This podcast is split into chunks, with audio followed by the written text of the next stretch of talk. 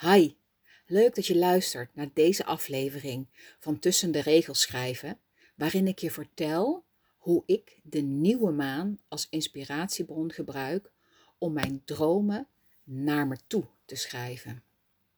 Ik vind het wel een beetje spannend om hierover te praten, maar de maan is inmiddels nou eenmaal een grote inspiratiebron voor me, zowel in mijn privé als in mijn werkzame leven. En hoewel ik nog lang niet alles weet, zal ik dus vooral mijn eigen ervaring delen over de kennis die ik tot nu toe heb opgedaan. Op het moment dat ik deze podcast opneem, zijn we onderweg naar de nieuwe maan in Ram op 12 april 2021. Als je mij op Instagram volgt, weet je al dat de maan al jarenlang een belangrijke rol in mijn leven speelt. Wat ooit begon met een fascinatie voor de energie van de volle maan.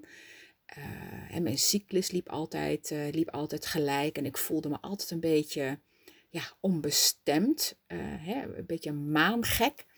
Um, groeide dit uit in mezelf verdiepen in natuurreligies, het ritme van de seizoenen en alle andere fases van de maan en dus ook in de kracht van de nieuwe maan. Ik merkte het vorig jaar heel sterk, terwijl ik bezig was met een maandelijkse schrijfoefening voor mensen die mijn eerste e-book hadden gedownload en die wel wat maandelijkse schrijfinspiratie wilden ontvangen.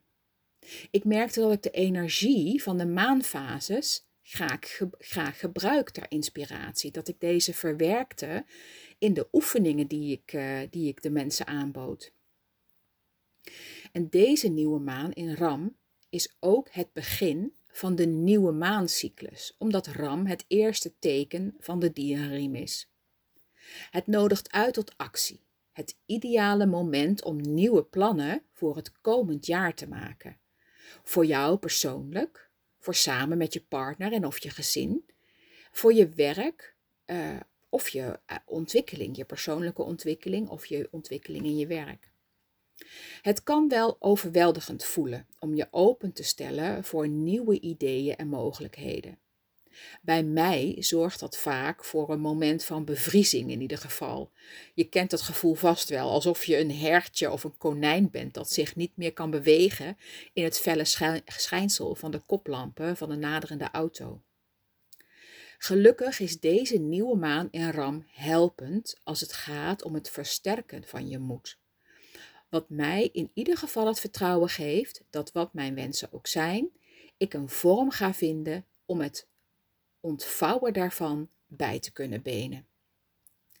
Dat is wel eens anders geweest. Tot een aantal jaren geleden durfde ik eigenlijk geen ruimte te nemen om te dromen, om wensen en verlangens te hebben.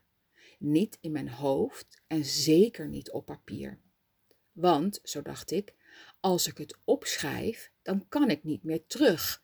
Dan moet ik wel, maar hoe dan? En dat kon ik niet bedenken, waardoor ik het er maar bij liet. Ik was ook vooral bang om het verkeerd te doen.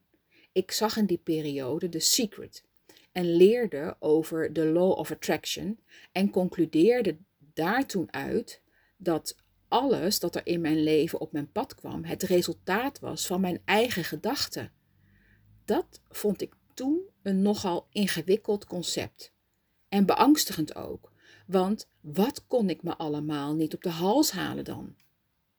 Ik hield het dus nog maar even bij alleen de energie van volle maan, om los te laten, om te reflecteren en om een dankbaarheid te oefenen. Elke maan neem ik de tijd om hier schrijvend aandacht aan te besteden. En toen, precies een jaar geleden, kwam Jasmine Boland op mijn pad en leerde ik over wat zij moonology noemt. Ik leerde dat elke fase van de maan bepaalde kwaliteiten heeft en dat je rond nieuwe maan kunt werken aan het manifesteren van je wensen en dromen.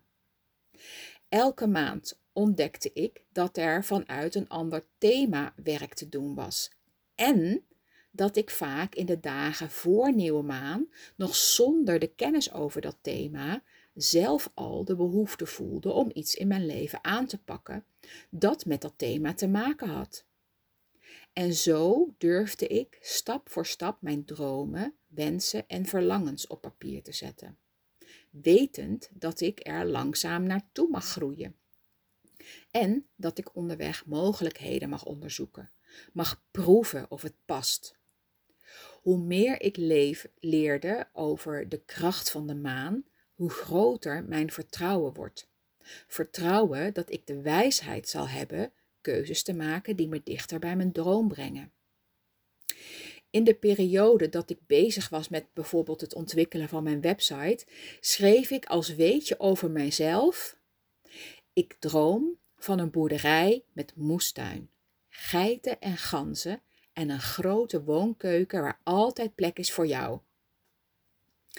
Het afgelopen jaar droomde ik op papier, zowel schrijvend als in beeld over deze plek, en ontmoette ik mensen met een soortgelijke droom en loop nu een tijdje met hen, hen op om te kijken of we een vorm van erfdelen kunnen gaan uh, ontwikkelen.